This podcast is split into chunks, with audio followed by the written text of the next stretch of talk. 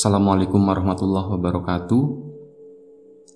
Sepertinya nggak sedikit masyarakat kita yang percaya sebuah firasat akan datangnya suatu hal di kemudian hari.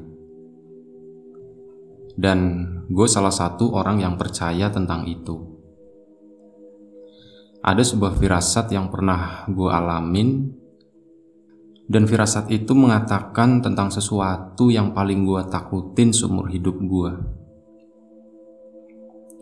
tapi sebelum ke cerita, seperti biasa, gue pengen ngucapin banyak-banyak terima kasih buat kawan-kawan subscriber semuanya dan kawan-kawan yang baru mampir, baru main, baru nengokin channel Lapak Horor ini. Firasat yang gue dapet itu berupa mimpi. Jadi dalam mimpi itu, gue tuh ceritanya naik kuda gitu, tapi gue nggak sendiri. Jadi ada banyak kuda di sana. Posisi gue tuh di tengah-tengah ya, gue bener-bener naik di punggung salah satu kuda itu dan di belakang itu tuh ada beberapa kuda yang ngebawa kereta gitu. Tapi gue nggak tahu itu kereta apa. Yang jelas gue ngerasanya kayak gitu ya. Namanya juga mimpi. Mimpi kan suka nggak terlalu jelas gitu kan. Nah eh, gue tuh berkuda gitu. Mungkin ada berapa puluh kuda gitu ya. Bener-bener rame gitu. Dan itu tuh malam ceritanya di sana itu malam hari dan gue menyusuri jalan raya di kota tempat gue tinggal. Gak berapa lama setelah itu, gue dan rombongan itu, rombongan kuda itu, itu masuk sebuah gang dan gang itu tuh gang yang menuju rumah gue.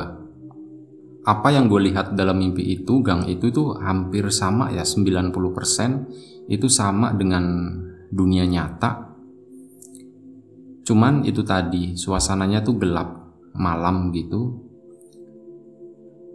Dan di sana gue sempat ngelihat ada beberapa sosok gitu ya. Ada temen gue juga lihat di sana lagi berdiri gitu ngeliatin gue naik kuda dan ada beberapa sosok sosok yang cukup menyeramkan juga di sana ada.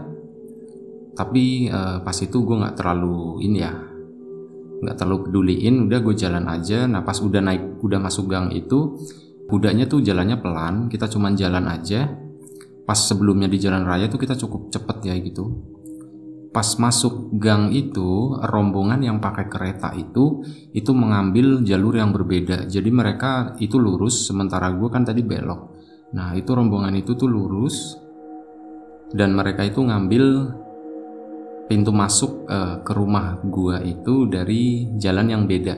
Jadi uh, untuk sampai di rumah gue tuh ada dua jalur utama.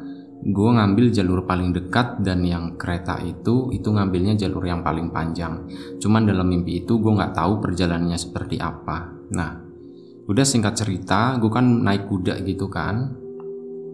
Gue jalan pelan-pelan nyusurin jalanan itu, jalanan gang itu, dan di situ gue ngelewatin rel kereta api dan uh, rumah gue aslinya juga kayak gitu ngelewatin rel kereta api.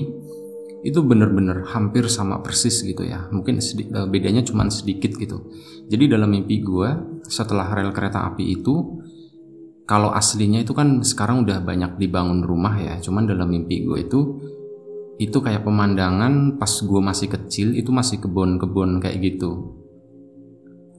Itulah maksudnya bedanya tuh kayak gitu. Gue kayak disuguhin pemandangan pas gue masih kecil bukan pemandangan yang sekarang. Cuman itu tadi 90% itu hampir sama dengan apa yang terjadi saat ini gitu kondisinya. Udah gue jalan dan akhirnya sampailah gue di depan rumah dan rumah pun kondisinya itu belum ada pagar. Kalau sekarang itu udah ada pagar di sana itu masih ada pohon jambu pohon jambu itu ada pas gue masih kecil ya. Jadi emang itu tuh masa lalu banget lah. Pas gue kecil gitu nah udah gue sampai di sana kan depan rumah. Di situ tuh ternyata lagi ada hajatan. Dan gue sempat kaget juga dalam mimpi itu ya. Itu gue udah kepikiran loh kok ada hajatan gitu? Dan satu hal yang pernah gue denger gitu ya kalau kita mimpi hajatan gitu tuh bakal ada sesuatu yang buruk uh, yang bakal menimpa kita gitu. Dan di mimpi itu gue sadar gitu, dan gue merasa sedikit ketakutan di situ. Loh kok ada hajatan gitu ya? Dan gue nggak pernah tahu. Nah, dalam hajatan itu di situ gue tuh ngelihat ada bapak sama ibu itu lagi duduk berdua di situ. Di belakangnya tuh para ini tamu gitu. Gue nggak ada yang kenal ya. Gue nggak terlalu merhatiin tamunya. Dan di situ gue cuman fokus ke bapak sama ibu ya. Terus uh, bapak tuh nanya, lah itu rombongan keretanya mana gitu kan. Terus gue bilang, ya itu rombongan keretanya nanti muter lewat sana gitu, sebentar lagi juga nyampe gitu. Nah setelah itu setelah bapak nanya kayak gitu Tiba-tiba si rombongan keretanya pun nyampe ya Dan orang-orang tuh pada bangun Tapi setelah itu uh, mimpinya habis Karena gue kebangun, gue lupa waktu itu kenapa? Jadi mimpinya tuh cuma nyampe segitu. Gue percaya banget ya kalau itu tuh mimpi firasat gitu. Dan setelah mimpi itu gue udah ngerasa ketakutan gitu ya. Gue udah ngerasa ketakutan takut akan ada apa-apa nih yang terjadi dalam waktu dekat gitu. Gue nggak 100% percaya kenapa? Karena ya sebenarnya ada uh, sisi logika gue yang menentang itu ada sebagian gitu ya. Gue berharap semuanya tuh baik-baik aja gitu tapi tetap aja ketakutan itu tuh ada.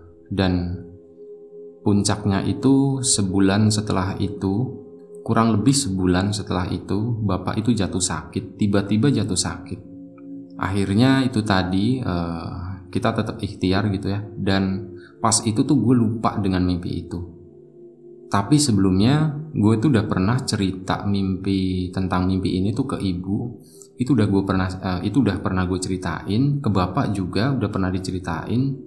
Cuman ya mereka eh, nggak uh, ada ini sih maksudnya nggak ada feedback yang gimana gitu. Mereka cuman diem aja. Mungkin mungkin ya mereka juga pernah mendengar tentang hal itu ya masalah mimpi hajatan segala macem mungkin ada ketakutan juga uh, gue juga nggak tahu ya. Makanya mereka nggak banyak uh, feedback waktu itu mereka cuma diem aja. Nah itu setelah itu sebulan bapak sakit kita udah coba ya kita udah berikhtiar gitu uh, pengobatan secara medis segala macam kita bolak-balik ke dokter sampai akhirnya bapak itu tuh dalam waktu satu bulan ya itu tuh dirawat selama tiga minggu di rumah sakit dan akhirnya itu tadi berita buruknya itu datang. Sesuatu yang paling gue takutin selama ini bapak akhirnya meninggal. Itu di situ uh, jujur gue jatuh banget ya. Gue nyesel banget. Maksudnya gue udah pernah dapat firasat kayak gitu. Dan gue merasa ada waktu yang gue sia-siain gitu. Sebenarnya setelah dapat firasat itu tuh gue pengen banget setiap hari itu peluk bapak gitu ya. Entah keinginan kayak gitu muncul begitu aja. Jadi bapak tidur pun sering banget gue liatin gitu. Gue sering nyuri-nyuri waktu kayak gitu belakangan. Tapi itu tadi sesekali gue pengen meluk cuman belum sempet aja. Itu yang paling gue sedih banget sih. Gue nyesel banget gitu. Gue belum sempet bahagiain. Itu tadi orang tua dan bapak udah keburu meninggal gitu. Sementara sebenarnya gue udah pernah dapat firasat tentang hal itu. Dan ternyata firasat itu tuh bukan cuman gue aja yang ngalamin. Tepatnya gue kurang tahu ya. Tapi kayaknya setelah gue mimpi deh tapi sebelum bapak sakit ya itu ibu juga mimpi uh, di rumah itu tuh ada hajatan juga sama dan di sana itu ada ibu tuh bawa layah gitu ya layah yang buat ngulek sambel itu. Nah tiba-tiba layahnya itu pecah di sana gitu. Di depan para tamu.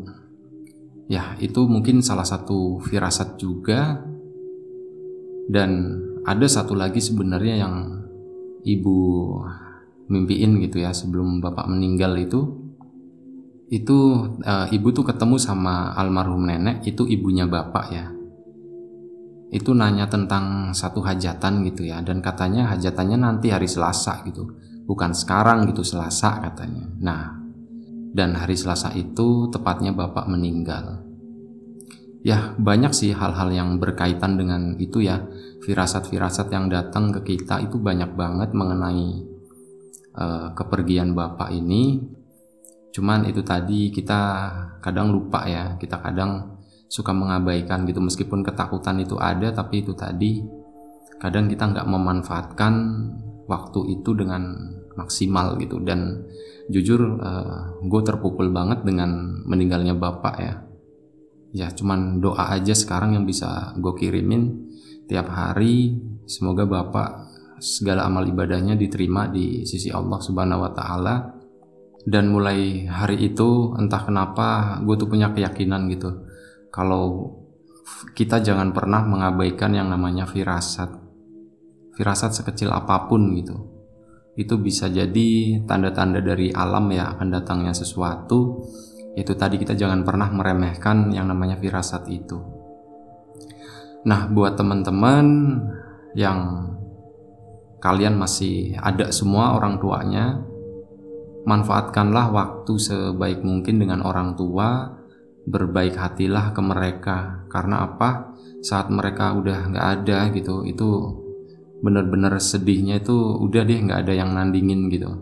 Makanya itu tadi selama mereka masih hidup selama mereka masih sehat manfaatkanlah waktu kalian e, buat mereka ya. Manfaatkanlah perhatian mereka buat kalian juga. Nah buat kawan-kawan yang udah mau nonton mau dengerin cerita ini gue ucapin banyak terima kasih mungkin cerita ini tuh nggak ada serem-seremnya ya nggak ada horor-horornya ya semoga cerita ini tetap bisa menghibur dan memberikan sesuatu yang positif buat kawan-kawan semua. Selamat menjalankan ibadah puasa bagi yang menjalankannya. Jaga kesehatan kawan-kawan semuanya. Sekali lagi terima kasih. Assalamualaikum warahmatullahi wabarakatuh.